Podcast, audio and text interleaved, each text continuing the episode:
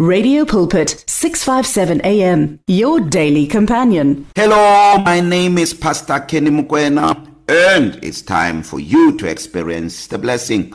Father, thank you so much. Thank you for this time in your presence. We know that the Holy Spirit, the teacher, is here to lead, to guide us and to help us to understand the word of God. We give you praise, glory, honor and majesty in Jesus name.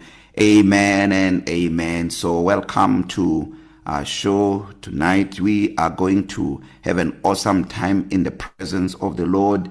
We we started a conversation which we're going to be on for a number of weeks because I know without a doubt that God is breaking strongholds right now. Is shifting things in the realm of the spirit, moving people from the dominion of darkness into the kingdom of the son of his love. You know, I like what Ephesians chapter 2 and and and also Colossians chapter 1 tells us Colossians chapter 1 tells us that you know uh, um, um, uh, Christ has redeemed us you know from the dominion or delivered us. God has delivered us from the dominion of darkness and translated us to the kingdom of the son of his love in whom we have redemption through his blood.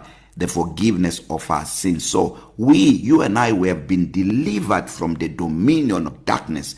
We are no longer under the control of darkness. When we said yes to Jesus, we were delivered from the from the from the law of sin and death. We were delivered from the influence of darkness, which is what we are talking about right now, the Babylonian system. Me and you we we we we should run away from the Babylonian system at all costs. We should refuse we should refuse you know to depend on the system that is bound to fail. You know the the the, the babylonian system cannot stand. The, the the the the kingdom of darkness cannot stand. It was meant to fail from day 1 and it has to fail. There is no way that it cannot fail because the devil has already been defeated has already been judged we know by the scripture that the ruler of this age has already been been judged. So when Jesus died on the cross and rose from the dead you and I were delivered from the dominion of darkness. We have a choice right now either to obey God or to obey to obey the devil. It's no longer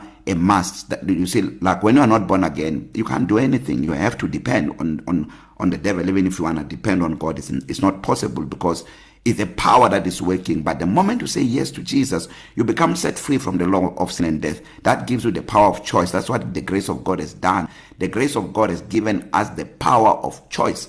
A Christian does not sin because the devil makes them to sin. No a child of God sin by choice because God has already dealt with the power and the dominion of darkness when Jesus Christ uh, uh, uh, died on the cross. So you and I were no longer in bondage to sin. We've been delivered from the dominion of darkness and we have been translated. To be translated it means to be transported. You have been conveyed from one um, a territory or domain to another. We belong in the kingdom of God right now. That is why we the children of God cannot operate under the Babylonian system when we have been delivered from Babylon we are now in the kingdom of God and we operate the kingdom of God system. So, what is the kingdom of God system? You just look at Jesus. Acts 10:38 tells us that how God anointed Jesus Christ of Nazareth with the Holy Spirit and with power, who went about doing good and healing all those who were oppressed of the devil because God was with him. This is the law of the spirit of life in Christ Jesus because in the law of the spirit of life in Christ Jesus, the Holy Spirit is our leader and our guide. So the Bible tells us in the book of Romans chapter 8 when you read verse 2 it says verse 3 it says what the law could not do in that it was weak through the flesh God did by sending his own son in the likeness of sinful flesh he condemned sin in his body that the just requirements of the law might be fulfilled in us who do not walk according to the flesh but according to the spirit. That last part is very important because sin has lost its grip on us. The bible says the law which which demands action from men apart from god or apart from christ that the bible says the law was weak was weakened by the flesh. Remember we know in the scriptures that the law is not powerful but the law is good. The law is good but not powerful. The one who's powerful is the Holy Spirit. That's why Jesus in Acts 1 verse 8 says you shall receive power when the Holy Spirit has come uh, upon you. Christ the wisdom and the power of God. So the Holy Spirit is the one that facilitate our freedom. Even Jesus when he was he was dead uh, uh, uh, on, on the grave the Bible tells us that It is the Holy Spirit that rose Jesus from the dead. If the same Spirit that raised Christ from the dead dwells in you, he who raised Christ from the dead will also quicken your mortal body. So our freedom from bondage, our freedom from darkness, our freedom from the Babylonian system was facilitated by the Holy Spirit. In a state of chaos, the Holy Spirit hovers upon the face of dark of the of darkness and when God speaks and say let there be light, the Holy Spirit facilitate light. Remember the Holy Spirit is also the wisdom of God. He is the spirit of wisdom, knowledge, and understanding and this is what we are talking about right now that we are translated you and I we are no longer under the dominion and control of darkness Jesus Christ's death and resurrection has set us free from the law of sin and death. God has set us free. He has saved us to serve him. That is why right now, if you look at the Babylonian system, which is an organized world system opposed to God, its mission is to keep you so busy so that you don't have time to serve God. And when it keeps you so busy, you don't even have enough. It keeps you in bondage that you must keep on working to make a living. So what living is that? To look after the flesh. And looking after the flesh is worthless because the flesh is passing away very very very soon. I mean we hear about funerals on a daily basis. As we speaking right now i tell you that uh, maybe someone somewhere in the world is being is getting buried. So people are being buried on a daily basis. We know that we are all not here uh, uh, uh, forever. If jesus comes back today it's over. It's over with the flesh. If you lived your entire life investing in the flesh and you never invested in God, if Jesus comes back tonight, what are you going to do? Or if you die today, what are you going to do? All you did all your life was to invest in the flesh. This is what I'm talking about. The devil wants to keep you investing in your flesh, and flesh has no profit. That is why if you read the Bible in the book of Romans 8:13, it says if you live according to the dictates of the flesh, you will die.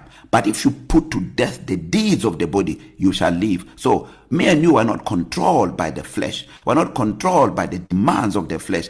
If you give in to the demands of the flesh, you hear nothing about the Holy Spirit the devil has you in his corner. I don't care whether you have you are saved you have professed Christ as your lord and your savior. If you do not obey the holy spirit when he leads and guide you you will obey the law of sin and death. You will obey mammon. Money will control you. That is why the bible in romans 8:18 says if you live according to the flesh or if you live according to the demands or the dictates of the flesh you will die. Because it's the law of sin and death. So the law leads you to sin. No, no, no. The flesh leads you to sin. And when you sin, sin leads to death. That's what James 1 uh, verse 14 and 15 tells us. But if you put to death the deeds of the body, you shall live. So how do you put to death the deeds of the body? The Bible says in Romans chapter 6 that after in verse 11 it says reckon yourself to be dead to sin. How do you die to sin? It means you don't obey the flesh you obey the holy spirit. Romans 8:14 as many as are led by the spirit of god these are the sons of the most high god. So we we we we we we, we do not live according to the flesh. Um galatians 5:16 says that walk in the spirit and you will not fulfill the lust of the flesh so the flesh wants you to obey it and that's what the babylonian system is built on. The babylonian system wants you to be busy catering for the flesh but the holy spirit wants you to be busy catering for you for, you, for your spirit because your spirit man when we talk about in 2 corinthians 5:17 if any person is in christ jesus he is a new creation. All things have passed away. Behold all things have become new. The new creation is your spirit. Your spirit is is, is, is the one that commune with the holy spirit. This is where you get instructed. And i want to tell you this that your spirit man will remain a a dwarf if you never invest in it. You invest in growing in the things of god.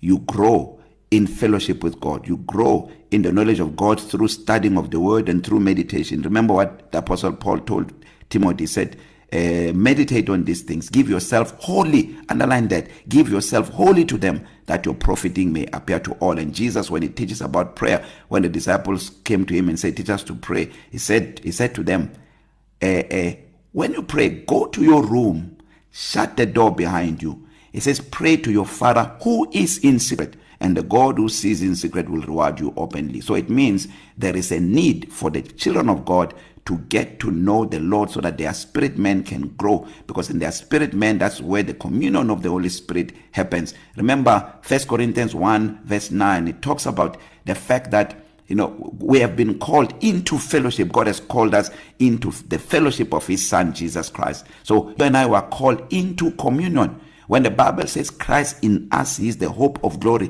he can never be the hope of glory. Until you set time aside to grow in the things of god to fellowship with the holy spirit to know god for yourself.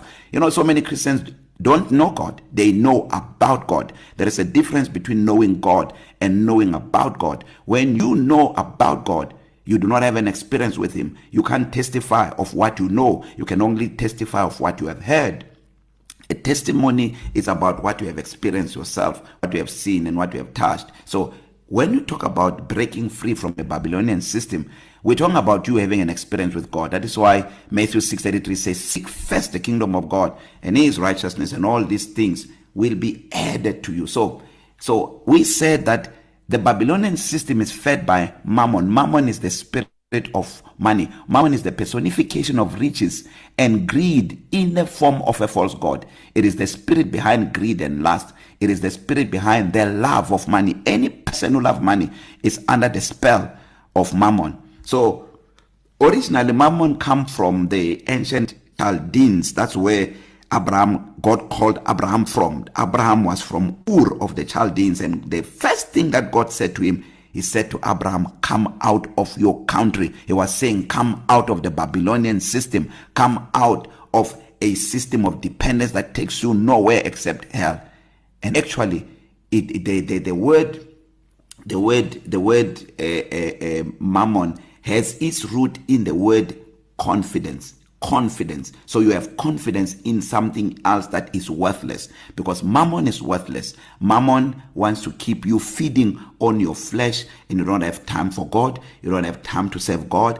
Look at Sunday for instance. There are Christians who go to Sunday when they feel like go to church when they feel like. It is not a lifestyle for them to go to church.